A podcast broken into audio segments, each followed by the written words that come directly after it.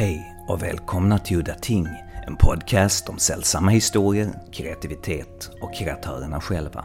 Mitt namn är Henrik Möller, musiken är skapad av Testbild och loggan till podden är gjord av Malmökonstnären Nalechinski. Det här avsnittet ska handla om filmen Combat Shark av Buddy Giovinazzo. Jag såg Combat Shark första gången hos en bekant på Värnhem det var över skittesig, folköl och svettig pizza som jag med viss tveksamhet bänkade mig i soffan. Filmen hade ju då Trauma-filmloggan, men det var ingen Trauma-film. Den hade bara distribuerats av Trauma. Filmen börjar med ett riktigt C-filmsintro i en bokskog som ska föreställa Vietnam under Vietnamkriget. Hela sekvensen ser ut som några högstadieelevers krigsfilmshemvideo och hade inte Mats, som han heter då, peppat med att kolla vidare så hade jag nog stängt av filmen. Och detta vill jag tillägga är filmens stora problem. Många har nog missat den just på grund av att introt är så fruktansvärt unket. Men sen händer det grejer. Vietnamveteranen Frankie vaknar upp och vi förstår att Vietnamsekvensen vi nyss såg var en posttraumatisk stressdröm. Frankie är arbetslös och bor i en lägenhet som mest liknar en soptipp med sin fru och sin muterade bebis som skriker konstant. En viss Eraserhead-stämning infinner sig och bebisen tros vara en produkt av kemikalier som Frank utsatts för under sin tid i kriget. Frankies fru skriker på honom att gå ut och skaffa sig ett jobb och slutligen så lämnar han lägenheten. Fantastiska scener följer där Frankie vandrar genom nedgångna områden som är bortom förfall, snarare ett sönderbombat Beirut, högar av sopsäckar och övervuxet ogräs. Allt till ett fantastiskt charmigt 80-tals synt-soundtrack, som kunde varit helt missplacerat, men på något sätt funkar klockrent och höjer filmen till oanade höjder. De bet i genomförda scenerna av misär avlöser varandra. En pundare letar efter en kanyl bland skiten på marken och hittar ingen och i desperati försöker han trycka in jonket med sina fingrar i sitt skitiga sår i armen. Barnprostitution och en slingrande kö runt arbetsförmedlingen målar upp en bild av misären som Frankie lever i. Hopplöst är bara förnamnet. Frankie blir misshandlad av några gängmedlemmar och får en flashback till en Vietnamincident där en hel by begick självmord för att slippa bli invaderade. Frankie förstår nu att han måste rädda sin egen familj på ett liknande sätt. Han går då hem och skjuter sin fru i magen och lägger in sin bebis i ugnen och vrider upp värmen till max. Sedan dricker han ett glas sur mjölk med stora klumpar i innan han skjuter sig själv i huvudet så hjärnan sprutar över de förruttnade skitiga tapeterna. Ni förstår, jag var helt enkelt tvungen att prata med regissören Buddy Giovinazzo som numera lämnat New York och är bosatt i Berlin. So tell me, how did you get into film and how did that eventually lead to the making of Combat Shark? You know, I think most people that that you know know my work know that I started as a musician. So I was uh, in a band and we were playing progressive. We were playing heavy progressive stuff. First instrumental and then with singing. Then I started doing music videos for the band. And I was then studying film also in, in college. So I just discovered something new. You know, I felt that I could say something with film. And the thing about being in a band is with being in a band, you're with the, you know, it's like being married to people. And it was really. It was, it was hard to get everybody on the same page and in the same frame of mind. And with a film, I just felt I had more control over that. And then I didn't realize how hard it was though and you know, I just started making short films, music videos, short films, and then the last short film I made was about 15 minutes, and it took a year to make. And that's what made me say, "Wow, a feature film is just a bunch of these short films connected together." And that was the start of Combat Shock. Then I started thinking of what do I do for a feature film. But I was a student when we were doing this, and so you know, I was learning as we were going. I did many things wrong along the way, but tried to just do them one time. I was at the College of Staten Island, which was part of City University in New York. So it wasn't a film school like NYU or USC, but they had film equipment. We had 60 millimeter cameras and we had Nagras for sound. We had flatbed editing tables. So what we didn't have was like a thousand students trying to use it. So like I had access to this 60 millimeter equipment that I wouldn't have be able to have at any film school the film teacher that I had, my film professor, was an independent experimental guy who basically worked alone. He was the guy that would go out to a film and do camera and sound. So I sort of learned how to really do guerrilla filmmaking from him. And just on student films, if somebody didn't show up, you did not shoot. You just shot anyway. You just stepped in and did whatever that job was. And, and then, you know, that's pretty much how I got to be a filmmaker. Just the more I got into that, the more I enjoyed it, the process. But the raw film stock must have been a problem. I mean, as opposed to now, when if you borrow some equipment, you can use it right away. That was the one thing you couldn't get on credit, really. I mean, I could get the lab to give me credit. Nobody got paid on Combat Shock. Basically, it was funded out of pocket. But film was the one thing I needed to have cash for. So I was working at the time. So and uh, so whatever I was earning from work, I was just saving up and putting into Combat Shock. How long did it take to finish the film? Well, it took one year to shoot and one year to finish post production, editing, sound design, mixing. How did the story of Combat Shock come about? It started strangely enough. I was driving. I was driving around where I grew up in Staten Island, and Staten Island was all woods. You know, there are parts of Staten Island that are well, Combat Shock is Staten Island. So I'd be driving in my car, seeing these things out the window, these woods, and I'd say, "Holy shit! If I saw that in a Vietnam movie, I would believe it." It looked just so creepy. So that gave me the, the germ of an idea that you could probably do something that takes place in Vietnam here in the woods that we had. We had enough woods, we had swamps, we had, you know, small little grimy rivers. It was, uh, I just, you know, not all of it works. When I look at it today, some of it just looks really like Staten Island. But there are other things that I think look like Vietnam. That was the seed, is just driving around seeing these scenes and then reading the newspapers and reading a story. It seemed to be the same story repeatedly. Somebody would freak out, kill their family, and then kill themselves. And that was fascinating to me because that wasn't about robbery or greed or that I didn't understand. And I wanted to do a film that sort of explored what that was like. It takes place some time after the war in Vietnam. I mean, it, the film is supposed to be set in 1987, and the last troops were shipped out in 1979, right? You know, this was the damage that lasted 10 years afterwards. These guys, he didn't come back missing an arm or a leg. That would eventually, that wound would heal the physical pain. This is a guy that came back damaged mentally, and that's what this was. And a lot of the a lot of the veterans that did suffer, you know, they suffered years later. They didn't come out and immediately suffer. Some of them did, but a lot of them didn't. It's a what if film. I mean, for me, it was always what if this happened. As I was writing the script, I was thinking of that with this character. What if this happened? What if everything went wrong? What if when he ties his shoe, the lace breaks and his, hot, his sock has a hole in it? I just that was the starting point of writing a, a, a, story about what if everything went wrong. Is that enough to drive you to do what he does at the ending? Is it just me, or was the humor intentional? Uh, I think a lot of it's funny. I mean, I think a lot of it plays like a soap opera, especially the husband and wife stuff. Things like the faucet has no water, and then they walk away and it starts dripping. Things, you know, like, for me, there's there's black humor. Thing with the milk always gets a laugh, but that's that's an obvious you know, I just think there's a thread of, of very dark humor, sort of the, you know, the sort of humor Eraserhead might have. I mean, that was a model for me. I was using Eraserhead really to study that film because I, I thought it was so great. I also remember reading something about a Frankie Teardrop song, you know, the suicide song, a reference to that. It was an amazing song, and I, I loved it. And when I saw this song, I just saw this movie play out. I just saw like a guy trapped, like that song portrayed. And, you know, I remember I had a screening in 1990 in London at the Scala Theatre. And I met a guy that came in, and he didn't really speak English, but he spoke enough, and he kept saying suicide, suicide. I didn't understand what he meant, and then I got it that he recognized that Frankie Teardrop is a lot like Frankie Dunlan. The only guy that came up, because that's a true, and I, could, I had to say, you're absolutely right. Frankie Teardrop was a big influence. Have you ever met Suicide and talked to them about the song? No, I love the band. I would have loved to have met the band. We're, we're both New Yorkers. It's, we've never met, but our paths have never crossed.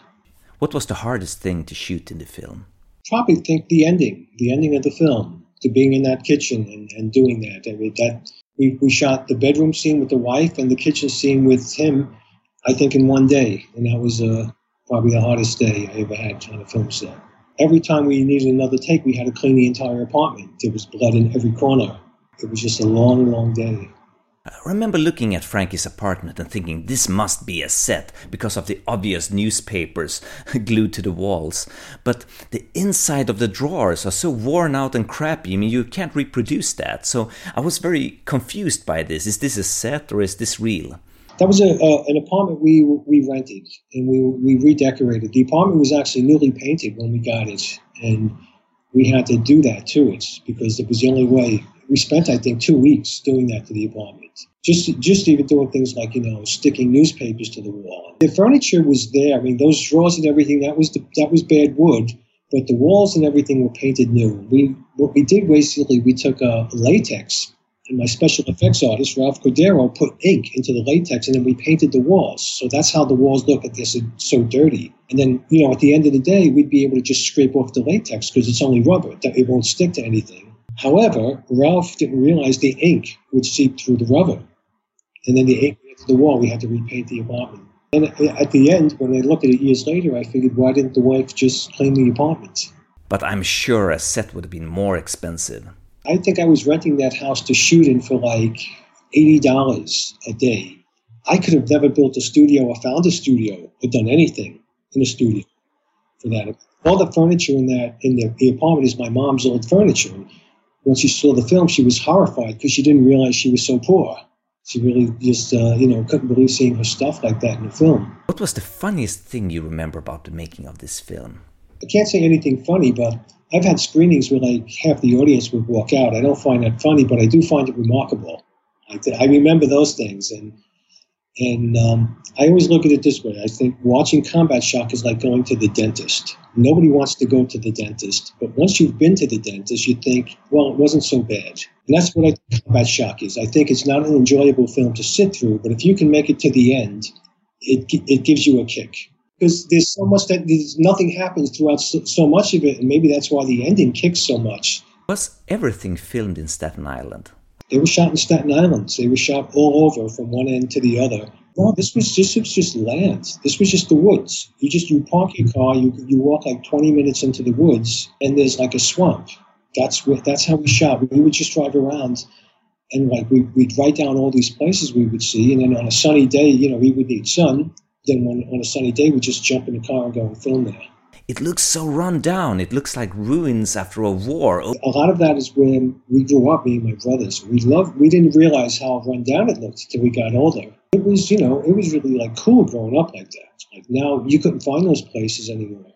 Cleaned up or knocked down, and you know, those places, the woods. All the woods have probably been built up En av de bästa sakerna med hela Combat Shock är huvudpersonen Frankie, spelad av Ricky, alltså regissören Buddys egen bror. Do you remember any funny anecdotes on working with your brother Rick? Well, we um, the script was written, and if anything, the script was underwritten. So Rick could bring whatever he wanted. He Rick basically brought a piece of himself to that film because Rick's not an actor. Rick never acted before. Rick's very shy, so he sort of just became this character. I was auditioning actors. I, I didn't think of my brother at all. So I was auditioning guys to, you know, some people that were in the film auditions for the role of Frankie. And at the end of the day, Rick just looked at me and said, you know, I could, I think I could do better than they can. So we did an audition and Rick was better. He was the best one. He just, you know, he just brought himself to that role because so much of it is walking and so much of it is spatial.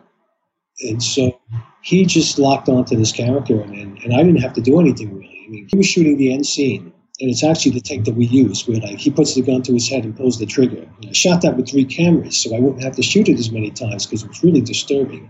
I think maybe the first time we did it, we didn't expect the table to tip over, so Rick does it. The effect goes off. His brains hit the wall. He hits the wall and then slides down to the floor, and he doesn't move.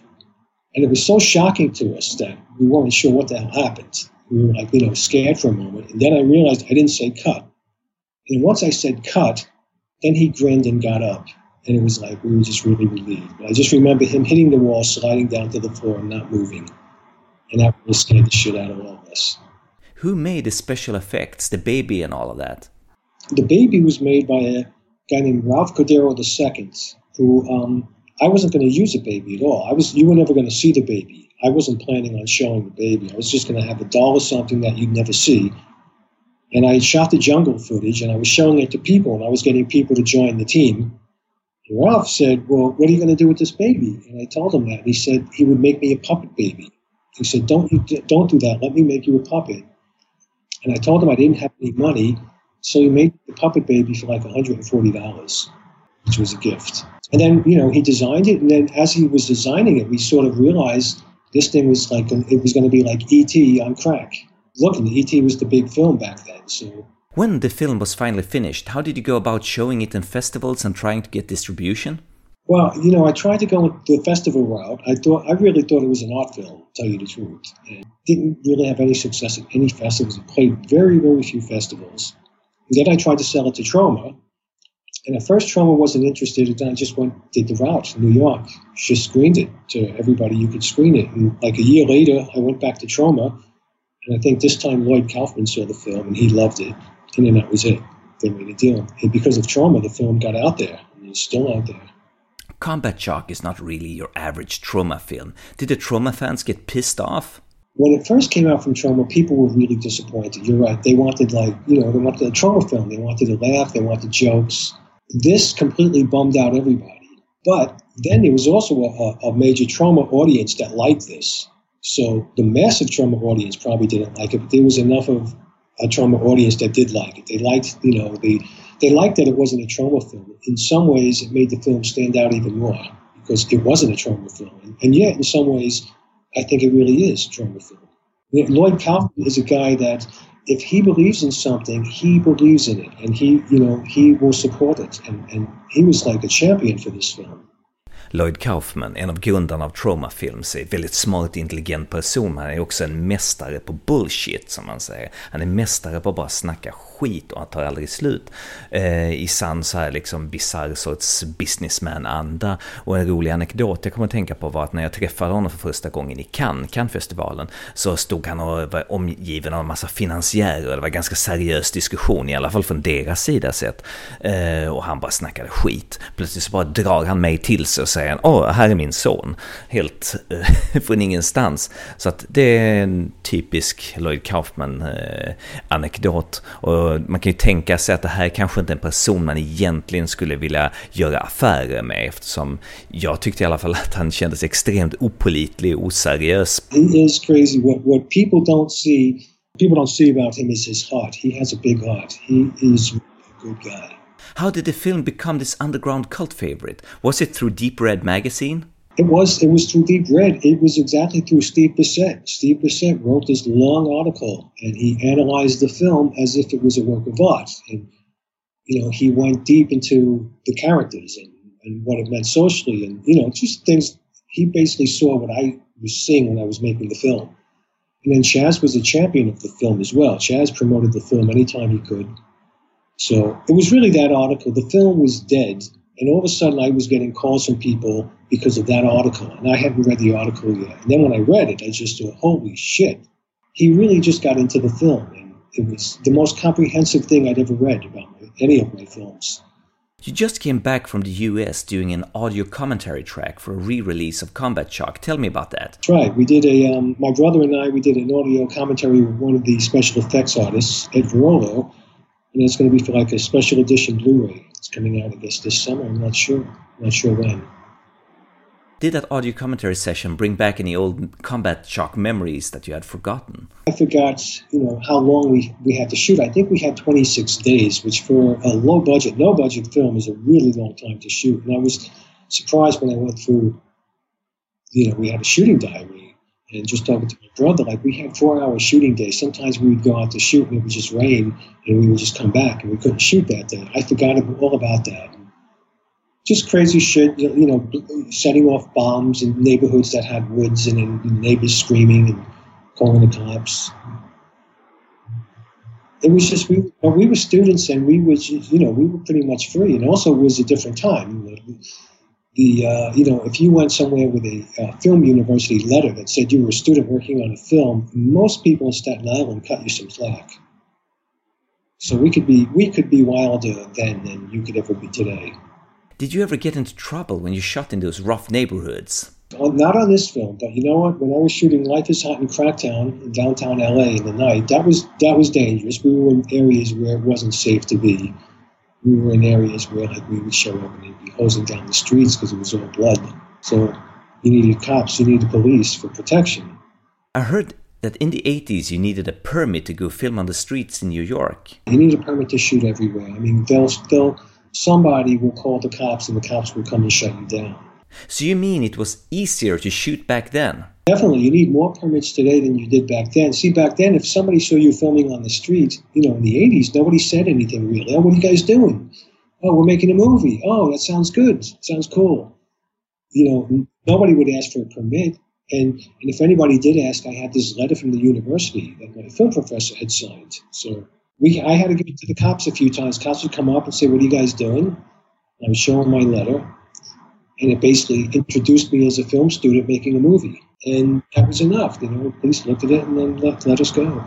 Did you meet any interesting people who came up to you and wanted to talk to you as a result of Combat Shock? You know, it, that's happened to me over the years. It doesn't happen often. I was honored. Johnny Ramone was a huge fan of Combat Shock. When I met Johnny Ramone, he told me he saw the film 12 times, and that's when it was on only VHS.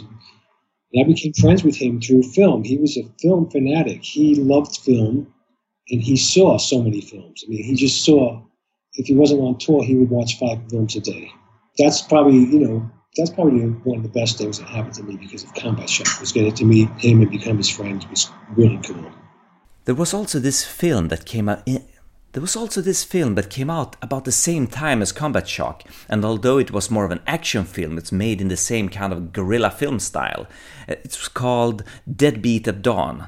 That's Jim Van Bebber. Yeah, that's a yeah. Jim Van Bebber and I have always been intertwined because our films came out and you know nearly around the same time, and you know his film is also just a brutal slice of reality. It's just it's a completely different vision. It's an epic I mean, the things that he's doing in that film.